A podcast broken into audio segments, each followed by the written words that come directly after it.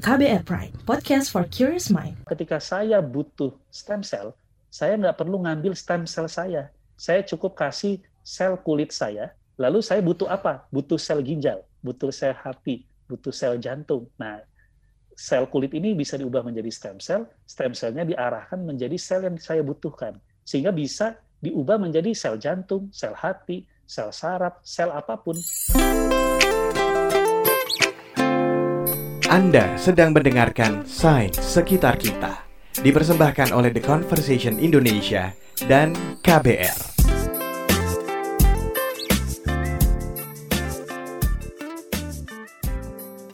Halo, ketemu lagi di Sains Sekitar Kita. Ini adalah season kedua.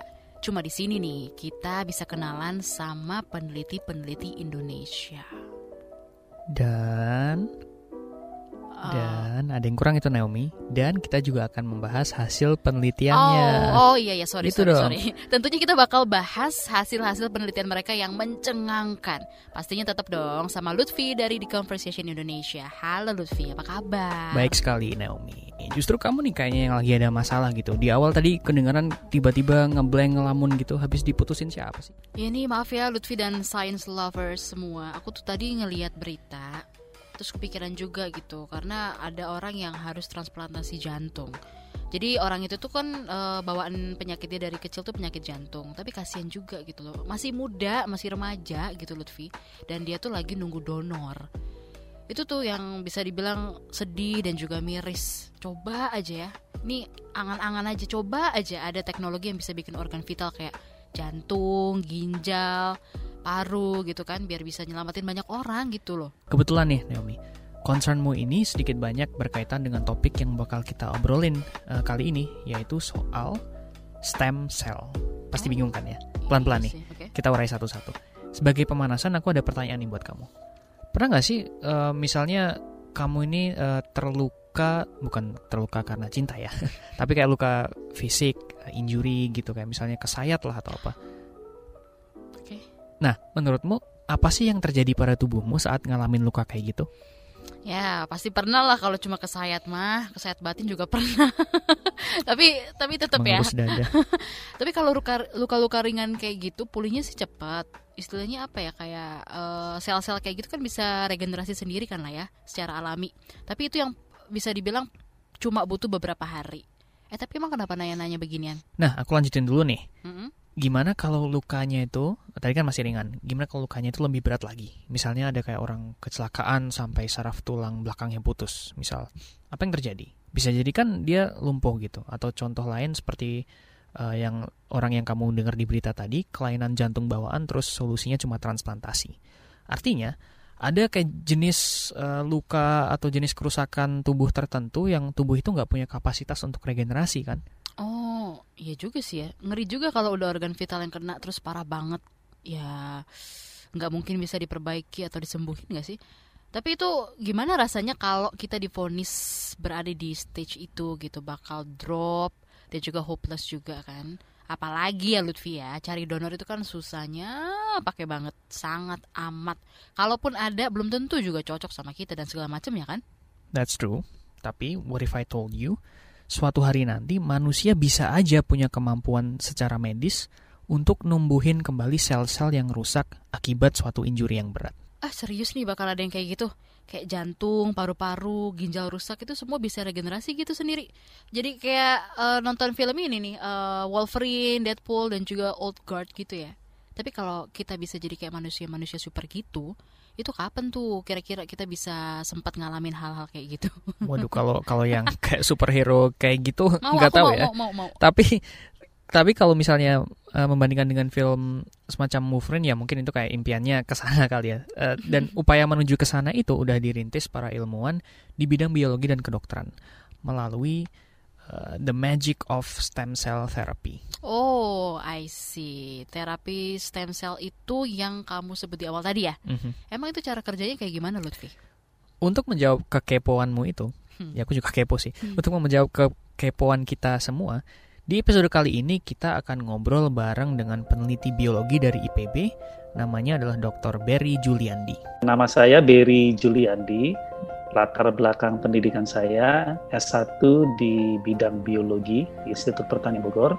Lalu S2 saya mengambil bidang zoologi atau ilmu tentang hewan juga di Institut Pertanian Bogor. Lalu melanjutkan S3 di Jepang di Nara Institute of Science and Technology di bidang neuroscience molekuler dan kemudian saya menghabiskan uh, sekitar tiga tahun postdoc di bidang uh, stem cell biology and medicine di uh, Nara Institute of Science and Technology dan juga di Kyushu University di Jepang. Nah, riset stem cell di Indonesia ini terhitung belum terlalu lama ya. Pak Beri ini misalnya ya adalah salah satu ilmuwan yang terlibat dalam upaya awal dari kampusnya untuk meneliti tentang stem cell ini. Beliau dulu dikirim oleh IPB ke Jepang untuk ngambil S3 ya, sekaligus mempelajari tentang stem cell, sehingga ilmunya bisa dibawa kembali ke Indonesia. Wow, Dr. Berry ini di Indonesia layak banget dong ya disebut ilmuwan terdepan dalam penelitian stem cell. Udah berapa lama sih waktu yang beliau dedikasiin untuk meneliti subjek ini? Iya, beliau salah satu yang cukup uh, banter ya meneliti tentang stem cell di Indonesia. Totalnya sejak beliau S3 uh, itu udah 12 tahun meneliti tentang stem cell ini. Oke, kita kan lagi mau ngebahas tentang stem cell ini ya. Tapi sejujurnya aku dan mungkin pendengar kita juga belum tahu stem cell itu apa. Monggo Lutfi dijelasin. Oke, stem cell di bahasa Indonesia itu kan disebutnya sel punca ya. Kalau secara istilah nih, punca itu kan nantinya kayak menyebar atau bercabang gitu ya. So we're obviously dealing with apa ya, sel-sel yang bisa berkembang menjadi sel lain dan memperbanyak diri. Tapi kalau uh, katanya Pak Berry kayak gini nih. Pada dasarnya ya eh, tadi kita berasal dari zigot yang stem cell. Kemudian dalam perkembangannya zigot menjadi berbagai jenis eh, tahap ya eh, sel dan sebagian besar sel di tubuh kita itu menjadi sel yang kita sebut dengan nama terminal differentiated. Artinya sel yang sudah tidak bisa berubah jadi apa-apa lagi. Jadi misalnya sel kulit, sel hati, sel jantung, sel apa itu udah udah mentok dia di situ jadi akan jadi sel itu terus. Tapi tubuh kita menyimpan beberapa uh, stem cell di lokasi-lokasi tertentu dari uh, mulai kita uh, embrio sampai kita dewasa. Jadi uh, sebagai cadangan jika kalau kita memerlukan sel pengganti sehingga stem cell inilah yang akan menjadi uh, calon atau uh, bahan untuk sel pengganti tersebut. Tapi tidak banyak jumlahnya dan hanya di tempat-tempat tertentu. Oke, sederhananya tubuh kita ini kan tersusun dari dua jenis sel kan ya. Sel yang sifatnya tetap, terus juga ada sel yang fleksibel. Nah, yang fleksibel ini yang disebut sel punca gitu ya, atau stem cell gitu nggak sih? Atau gimana ceritanya sel-sel punca itu dijadiin terapi atau kayak semacam pengobatan? Aku kemarin tanya ke beliau, problem apa sih dalam kedokteran yang coba di-solve dengan adanya stem cell ini? Ya, ternyata nih, pemanfaatan stem cell itu awalnya karena manusia dan di hewan juga itu mengalami degenerasi beberapa fungsi tubuh karena ada sel yang rusak atau sel yang hilang kayak yang tadi kita ceritakan itu ya. Nah ini tuh harusnya diganti oleh mekanisme tubuh kita sendiri. Misalnya kalau kulit lepas nih di bawahnya itu kan ada sel yang hmm. udah siap untuk membuat kulit baru gitu yeah, kan. Yeah. Nah tapi kayak tadi itu pada kasus atau kerusakan tertentu proses penyembuhan ini nggak sempurna. Karena sel yang rusak dan hilang itu nggak bisa digantikan oleh mekanisme yang natural atau alami. Nah, this is where stem cells come in. Jadi sebagai contoh, mungkin yang paling gampang, Misalnya ada orang lumpuh. Orang lumpuh eh, itu karena otak tidak bisa menyampaikan pesan ke kaki. Karena apa? Karena sel saraf yang menghubungkan otak dengan kaki itu terputus ketika tulang patah, tulang belakang patah. Nah, tidak ada mekanisme internal yang bisa menyembuhkan itu. Paling mekanisme internalnya menutup luka dan e, memperbaiki supaya tidak ada e, peradangan dan lain-lain. Nah, di sini peran stem cell. Peneliti bisa memasukkan stem cell ke dalam e, tulang belakang, lalu stem cell yang dimasukkan ini diarahkan menjadi sel saraf yang bisa merelay atau membawa pesan dari otak ke kaki yang tadinya memakai sel saraf alami, tapi sekarang memakai sel saraf yang kita tanam di tulang belakang. Amazing ya. Jadi terapi stem cell ini bisa untuk mengobati semua kerusakan di organ manusia. Tapi gimana cara kerjanya? Tadi Pak Berry kan udah menjelaskan ya bahwa mengambil stem cell itu e, tempatnya terbatas hanya di bagian-bagian tubuh tertentu. So, untuk menjawab cara kerja stem cell, kita pertama harus pahami dulu. Stem cell itu ngambilnya dari mana aja sih? ketika kita memerlukan sumber stem cell, kita bisa memilih ingin mengambil dari yang mana. Nah, ketika kita ingin mengambil dari yang mana, kita memikirkan resiko. Mengambilnya ini membahayakan nggak? Nah, kalau kita ngambil dari sumsum tulang, berarti kan kita harus ngebor, tulangnya diambil. Ngambil dari otak, berarti kita harus bongkar otaknya. Nah, itu makanya jarang orang melakukan mengambil stem cell dari situ. Yang biasanya orang lakukan adalah mengambil misalnya dari darah, dari lemak, atau e, mengambil dari embryonic stem cell yang lebih awal lagi. Nah, kemudian opsi yang lain yang sekarang dilakukan di Indonesia adalah mengambil dari plasenta. Kenapa? Karena plasenta itu ketika lahir, biasanya plasentanya dibuang. Ternyata di dalam plasenta yang sering dibuang itu juga banyak stem cell yang jenisnya adalah uh, mesenchymal stem cell kita sebutnya. Nah itu jadi kita mengembangkan ngambil sumber-sumber dari yang non invasif utamanya. Itu tadi beberapa contoh tempat di mana kita bisa mengambil stem cell. Uh, tapi itu kan contoh di tubuh manusia ya yang yang udah apa berkembang itu. Tapi kalau kita misalnya rewind nih, ada juga sumber lain. Misalnya ketika sel itu baru dalam tahap awal berkembang dan lagi banter-banternya, yaitu embrio. Stem cell uh, itu itu ada uh, tahapannya dari mulai embrio sampai kita dewasa, hmm. seperti sudah saya terangkan. Yeah, yeah. Nah, yang paling awal tadi zigot, tapi okay. zigot tidak bisa dipakai untuk terapi dan lain-lain. Nah, yang pertama kali ada itu yang bisa kita pakai adalah di tahap yang namanya blastula. Jadi kalau zigot membelah menjadi banyak itu kita sebut dengan nama morula. Lalu morula menjadi bola yang disebut blastula. Di dalam blastula itu ada namanya inner cell mass, kumpulan sel yang menjadi fetus nanti. Blastula ini ada setelah uh, sekitar tujuh hari fertilisasi. Jadi kalau ada sel sperma ketemu ovum, uh, dalam jangka waktu eh, tujuh hari itu kita bisa ambil uh, inner cell massnya menjadi embryonic stem cell. Aku berusaha nginget-nginget nih ya. Berarti stem cell untuk terapi yang berasal dari embrio itu bisa diambil pas sel di tahap blastula. Ya nggak sih? Yeah. Ini kayak pelik gitu nggak sih?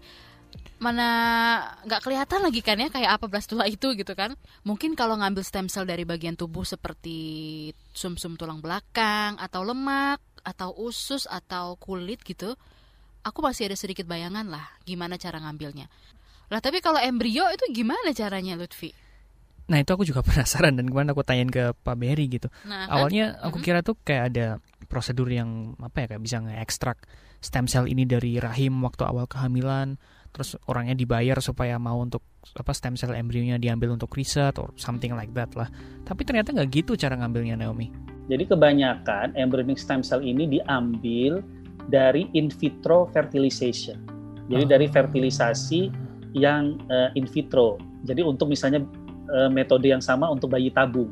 Okay. Jadi sel sperma dan ovumnya itu sudah diambil dulu, dimasukkan ke uh, tube atau petri dish difertilisasi oleh peneliti di Petri dish gitu. Jadi ketika dia menjadi blastula, maka nanti ada jarum yang masuk tuh ke dalam blastula itu nyedot inner cell mass. Nah, sel-sel yang tersedot itulah yang dikultur di Petri dish menjadi embryonic stem cell. Oh, berarti cuma bisa dilakuin untuk metode bayi tabung gitu ya Lutfi ya? Mm-hmm. Terus uh, kalau udah dapat nih ya misalnya stem cellnya, terus gimana cara guna ini untuk nambal kerusakan organ tubuh? Nah, kalau sel pada umumnya, Naomi, itu kan kayak uh, apa ya, range potensinya itu kan berbeda-beda ya. Ada yang kayak misalnya berkembangnya dia cuma jadi satu jenis sel doang kayak unipotent, kayak sel kulit tadi apa tumbuh ya jadi kulit aja misalnya kayak gitu. Uh, ada yang uh, potensinya lebih ini lagi bisa berkembang ke kayak jenis jaringan dan beda-beda terus ada yang sangat-sangat potensial ya, bisa berkembang jadi banyak hal misalnya kayak pluripoten itu dia bisa jadi jaringan ini jaringan organ itu dan seterusnya. Nah ketika stem cell yang dipakai yang jenisnya potensial tinggi itu bisa berkembang jadi banyak hal artinya kan kita harus hati-hati banget ya ketika memakainya untuk pengobatan.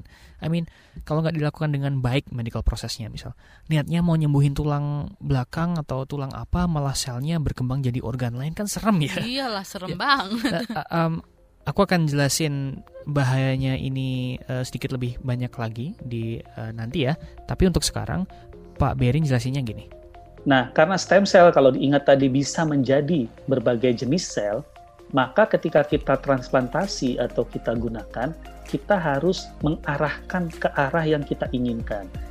Jadi stem cell itu kalau yang paling tinggi tingkatannya kita sebut dengan nama embryonic stem cell, ya sel uh, puncak embrio, itu dia bisa menjadi sel hati, sel kulit, sel jantung, sel sebutkan saja semua sel di tubuh kita, dia bisa jadi jadi kalau kita transplantasi tanpa diarahkan, maka dia akan menjadi sel jenis yang e, macam-macam di tubuh kita dan maka malah mungkin berbahaya dan tidak diperlukan.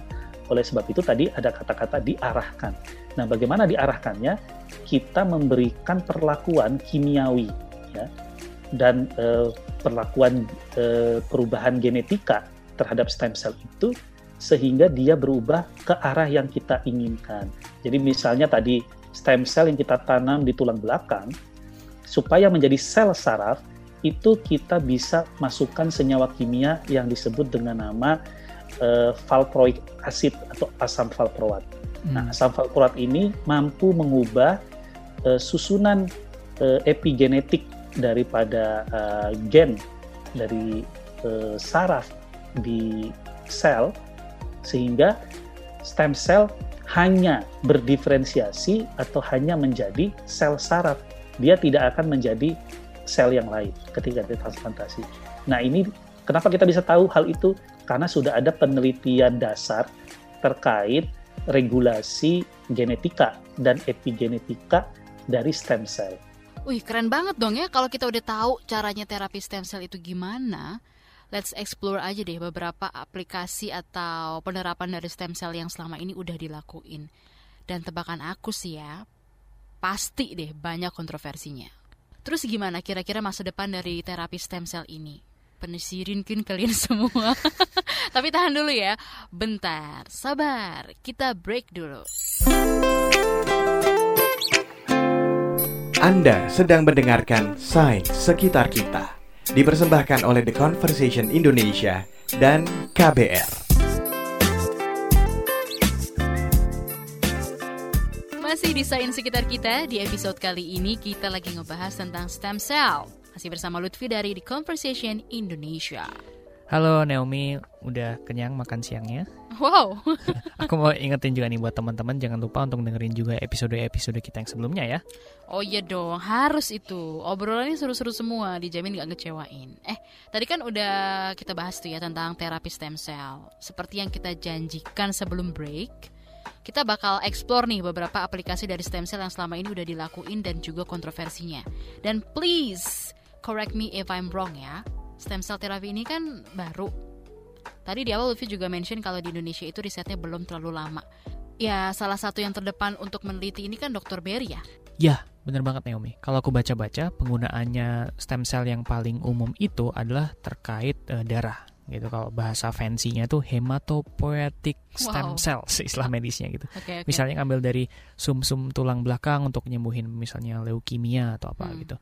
Nah, Dr. Berry misalnya juga cerita kalau di Indonesia secara medis yang paling umum itu penggunaan stem cell untuk uh, nyembuhin tulang misalnya. Begini kira-kira gambaran aplikasi stem cell di bidang medis sejauh ini dan juga beberapa penerapan lain yang sedang dikembangkan. Kalau sekarang eh, banyak peneliti berkonsentrasi ya untuk penyakit-penyakit yang memang eh, jumlahnya ya, atau frekuensi terjadinya itu dominan di negaranya masing-masing mm -hmm. ya. Jadi misalkan kalau kita lihat eh, di negara-negara yang maju, ya itu penyakit neurodegeneratif seperti demensia, Alzheimer, Alzheimer ya. Nah, lalu eh, penyakit seperti heart disease, ya, eh, diabetes, itu semua sedang mereka cari untuk penyembuhan menggunakan stem cell. Tapi di negara-negara yang eh, apa namanya yang relatif belum maju, kebutuhannya uh, agak berbeda. Karena kebanyakan di sana justru penyakit-penyakit infeksius atau penyakit-penyakit yang uh, infeksi. Hmm. dan itu sebetulnya tidak perlu uh, peran stem cell ya. I jadi see. kayak penularan karena bakteri penularan karena virus. Tapi mereka mungkin memerlukan untuk yang uh, kecelakaan misalnya ya orang-orang uh, yang lumpuh untuk uh, apa namanya orang yang patah tulang ya orang yang uh, apa namanya mengalami kelainan pada uh, sistem uh, peredaran darah gitu. Oke. Jadi lebih lebih apa berbeda-beda setiap negara. Kalau di Indonesia ya, yang sudah jelas uh, accessible itu untuk uh, terapi uh, tulang ya. Misalkan ada yang tulangnya patah, ada yang uh, radang tulang gitu. Pokoknya berhubungan dengan tulang itu di Indonesia kita sudah bisa terapi dengan uh, stem cell untuk Mhm. penyembuhannya. Tapi selain itu ternyata ada juga penggunaannya secara non medis yang cukup populer nih misalnya itu untuk eh, apa ya estetika atau kecantikan, misalnya untuk meremajakan bagian tubuh yang udah mulai rusak lah dan seterusnya. Misalkan begini, sekarang yang sudah ada itu misalkan eh, ada orang yang kelebihan lemak di tubuh dan biasanya ini eh, melakukan yang namanya prosedur sedot lemak misalnya. Hmm. lemaknya ini biasanya dibuang gitu kan? Karena kan nggak dipakai lagi tidak ada eh, apa injeksi lemak ke orang lain supaya jadi gemuk gitu. Nggak ada jadi lemaknya dibuang. Nah ternyata dari kumpulan sel-sel lemak yang disedot itu itu ada stem cell-nya ada stem cell-nya. Jadi ketika seorang mengalami sedot lemak maka bisa diisolasi stem cell dari sel-sel eh, yang tersedot itu ya sehingga stem cell-nya ini bisa disuntikan kembali ke orang itu Hmm, kalau yang ini aku paham. Menarik ya. Ini kan kayak uh, kill two birds in one stone. Kalau dalam peribahasa Indonesia, sekali mendayung dua tiga pulau terlampaui. Iya Sambil menyelam minum air. bisa bisa. Jadi eh, di satu sisi bisa ngurangi lemak, tapi habis itu juga bisa digunain lagi untuk lebih muda gitu kan. Ternyata memang ada banyak cara untuk bisa awet muda ya. nah ini nih, sejauh ini bahasan kita tentang stem cell ini cukup wow sih ya. Kayaknya stem cell ini punya potensi bisa nyembuhin segala penyakit manusia. Tunggu dulu, tunggu dulu. Eh, kenapa? Meskipun kelihatan menjanjikan ya, tapi pemanfaatannya itu masih terbatas pada pengobatan tertentu nih Naomi. Namun ada beberapa yang memang belum diizinkan untuk manusia, hanya boleh dilakukan di hewan. Sebagai contoh, yang bisa dilakukan di manusia, eh, seperti tadi saya sebutkan, misalnya tadi memakai lemak ya yang akan dibuang lalu diambil stem cell-nya disuntikan kembali ke manusia. Mhm. Lalu ada juga yang eh, menggunakan stem cell dari orang lain, ya misalnya dari plasenta bayi, lalu disuntikan untuk memperbaiki misalnya kelainan pada tulang. Ya itu kita udah bisa melakukan di manusia dan itu bukan futuristik lagi, sudah terjadi Oke. dan dilakukan. Tapi yang yang futuristik itu misalkan yang tadi tulang belakang, ya transplantasi stem cell untuk orang-orang lumpuh itu baru diuji coba di hewan. Kenapa nggak bisa di manusia? Karena resikonya masih tinggi. Jadi peneliti dan eh, lembaga pengatur eh, etika dan lain-lain itu masih memikirkan ini etikanya gimana kalau sampai ada orang lumpuh diaplikasikan dengan stem cell, eh, apakah dia betul akan bisa jalan atau malah jangan-jangan stem cell-nya berubah menjadi tumor misalnya atau menjadi kanker gitu dan seterusnya dan eh, banyak faktor-faktor resiko lainnya. Jadi ini maksudnya sejauh ini penggunaan yang relatif aman itu misalnya untuk kecantikan gitu ya. Karena fungsi stem cell-nya lebih ngerangsang sel tubuh untuk regenerasi. Iya benar. Jadi kayak eh, bukan berkembang jadi aneh-aneh, tapi lebih ke merangsang, menstimulasi gitu. Oh, Oke, tapi untuk penggunaan yang lebih canggih kayak misalnya terkait transplantasi stem cell, itu sampai sekarang kan risetnya masih on progress. Betul banget. Memang untuk stem cell yang lebih canggih itu ya, itu harus lebih ketat gitu pengawasannya. Harus ada riset-riset pendukung untuk misalnya nyari senyawa kimia yang pas untuk mengarahkan, kalau tadi istilahnya Pak Berry, mengarahkan stem cellnya jadi jaringan atau organ yang diinginkan, atau misalnya secara medis harus ada uji praklinis dan klinis berbagai tahap pada hewan lalu manusia.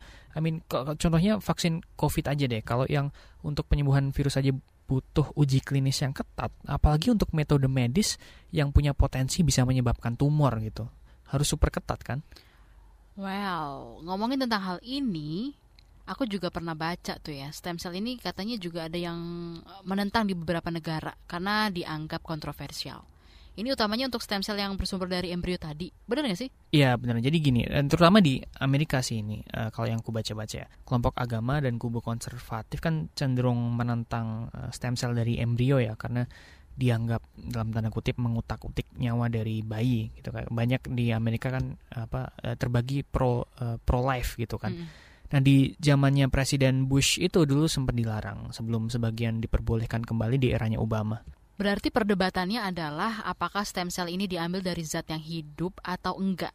Iya. Iya untuk yang embryonic stem cell itu ya. Nah dan karena aku tertarik juga ya sama konflik ini, kemarin aku juga tanyain uh, ini ke Pak Berry. Hmm. Beliau mengatakan ini sebenarnya hanya miskonsepsi dan misinformasi aja gitu. Kalau tadi banyak uh, kelompok penentangnya itu menentang atas dasar agama uh, karena beliau beragama Islam ya beliau juga memberikan counter argumen perspektif dari agama Islam tentang stem cell ini uh, seperti apa misalnya. Nah, yang menjadi uh, masalah adalah istilah dari embryonic stem cell. Hmm. Orang menyangka bahwa embryonic stem cell itu adalah dari embrio, dari bayi gitu kan. Tadi kan kayaknya dari bayi yang udah hidup gitu. Hmm. Padahal itu bukan itu tadi dari blastula. Nah, menurut para ahli agama Islam, sebetulnya yang bisa dikatakan uh, makhluk hidup atau sudah menjadi manusia itu ketika roh ditiupkan. Dan menurut kajian yang uh, dikutip uh, dari apa namanya uh, kajian ini yang bisa dikutip adalah itu adalah ketika uh, umur tiga bulan atau empat bulan kandungan.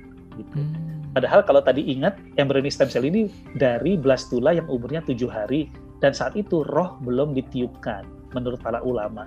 Artinya embryonic stem cell itu bukan dari uh, makhluk hidup. Jadi sebetulnya kekhawatiran itu bisa dibilang tidak beralasan. Nah itu mungkin mungkin kalau secara agama ya, tapi secara medis pun ini juga nggak masalah gitu karena stem cell yang dipakai apa namanya dari in vitro fertilizationnya ini yang dari bayi tabung itu adalah yang nggak berhasil untuk dijadikan bayi tabung gitu. Jadi kalau misalnya orang mau bikin bayi tabung, misalkan ada pasangan nih ya, mereka kan nyumbangin sel telur dan sel sperma ya. Tapi itu nanti ada yang berhasil, ya kan dipilih menjadi bayi tabung, dimasukin ke rahim ibunya. Tapi kan ada juga yang nggak berhasil kan. Nah, yang nggak berhasil inilah yang dipakai dengan persetujuan orang tua tadi itu untuk dijadikan embryonic stem cell. Oke, kita dari tadi udah ngebahas mengenai cara kerjanya stem cell, aplikasinya yang beragam, terus juga beberapa batasan-batasan pengobatannya lah ya, bahkan sampai kontroversinya. Sekarang saatnya kepo tentang gimana sih masa depan terapi stem cell ini, Lutfi. Nah, kemarin aku tanya ke Pak Berry, apa aja sih yang exciting gitu dari riset tentang stem cell ini, yang ongoing, masa depannya kayak gimana? Dari beberapa jawabannya, ada satu yang menurutku menarik jadi stem cell terapi sejauh ini kan ngambil stem cell itu dari suatu sumber ya, uh, ya sum-sum tulang belakang lah atau hmm. dari lemak lah atau dari mana lah itu tadi. Lalu ini dipakai di jaringan atau organ yang butuh disembuhin.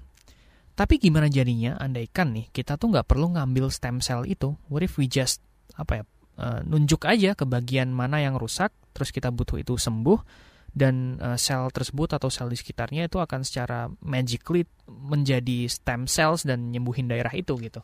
Inilah yang coba dilakukan oleh Profesor Shinya Yamanaka, peneliti stem cell dari Kyoto University yang karena penemuannya ini menang Nobel kedokteran tahun 2012. Nah, Shinya Yamanaka ini hebatnya menemukan bahwa sel fibroblast atau sel yang membelah di kulit itu yang sudah menjadi uh, terminal differentiated cell atau sel yang sudah uh, sempurna tidak bisa balik lagi menjadi stem cell itu dengan bantuan ekspresi atau overekspresi lebih tepatnya Apa itu? empat gen bisa menjadi ya jadi ada empat gen ya yang uh, SOX2 jadi kalau saya sebut juga apa nggak mungkin nggak nggak ada yang ngerti ya karena yeah. gen ini bukan gen yang umum didengar sehari-hari ya. Jadi ada SOX2, KLF4, MIC dan uh, seterusnya. Tapi intinya empat gen ini adalah regulator utama dari ke uh, kemampuan stem cell. Jadi sel kulit yang tadinya tidak punya kemampuan stem cell ketika diinduksi dengan overekspresi dari empat gen ini kembali menjadi stem cell.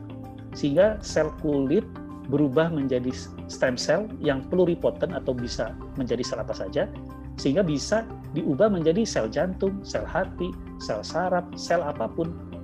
Artinya apa? Ketika saya butuh stem cell, saya nggak perlu ngambil stem cell saya. Saya cukup kasih sel kulit saya yang metode pengambilannya tidak terlalu invasif, sehingga stem cell, eh, sorry, sel kulit saya itu bisa menjadi stem cell. Lalu saya butuh apa? Butuh sel ginjal, butuh sel hati, butuh sel jantung. Nah, sel kulit ini bisa diubah menjadi stem cell, stem cellnya diarahkan menjadi sel yang saya butuhkan. Sehingga tidak ada permasalahan imunitas, penolakan, eh, dan tadi masalah invasi. Oh oke, jadi itu tuh masa depan dari terapi ini gitu ya.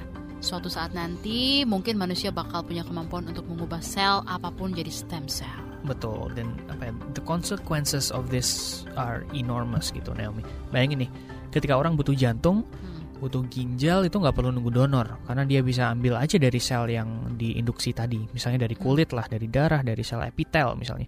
Lalu itu dikulturkan di lab jadi jantung atau jadi ginjal. Ini potensi yang sedang dieksplorasi oleh peneliti di luar negeri. Itu mimpinya ya, futuristiknya. Bisa bikin jantung, ginjal, dan lain-lain misalnya hanya dari sel kulit kita. Selain itu artinya juga, eh, dan ini yang menurutku cukup keren ya, ini bisa untuk mengembangkan apa yang dinamakan dengan pengobatan personal. Lah kok Iya, gini nih ceritanya.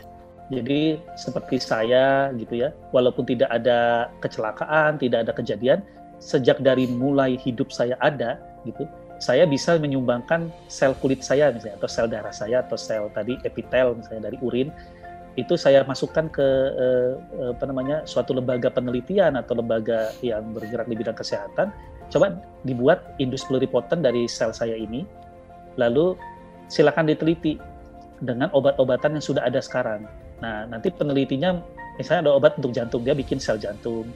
Kalau obat untuk hati dia bikin dari sel saya itu. Jadi oh, ada berbagai macam sel dicoba semua obatnya sehingga mereka punya database bahwa Pak Berry itu dengan obat-obatan ini itu tuh eh, kayak gini dosisnya atau responnya atau apanya. Jadi ketika nanti kita perlu di rumah sakit Modelnya udah ada. database.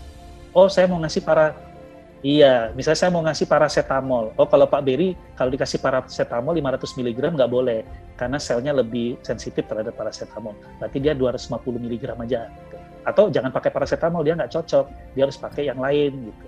Nah, itu data itu sudah ada sebelum kejadian gitu. Nah, itu yang lebih gila lagi. Jadi oke. setiap orang ketika masuk rumah sakit, medisinnya udah personal per orang itu karena sudah dites memakai stem cell-nya.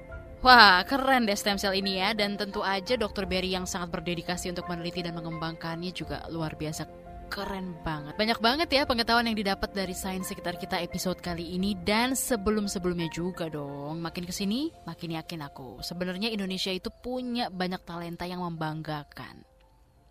Nah, episode mendatang peneliti mana nih yang bakal bikin kita tercengang lagi sama karyanya? Bocoran dikit dong, Lutfi. Kepo aja apa kepo banget? Kepo banget deh. Eh, kita ini udah mulai ke penghujung season 2 ya, tapi eh, tapi tenang aja, kita masih ada beberapa peneliti dan hasil penelitian mereka yang keren-keren banget yang akan kita bahas di beberapa episode ke depan. So stay tuned. Pasti penasaran kan guys? Makanya pantengin terus dong sains sekitar kita, jangan sampai kelewat ya. Nah, bagi kalian yang pingin banget kasih masukan dan saran, bisa kirim email ke podcast@kbrprime.id. Saya Naomi, Dan saya Lutfi. undur diri. Bye-bye. Bye.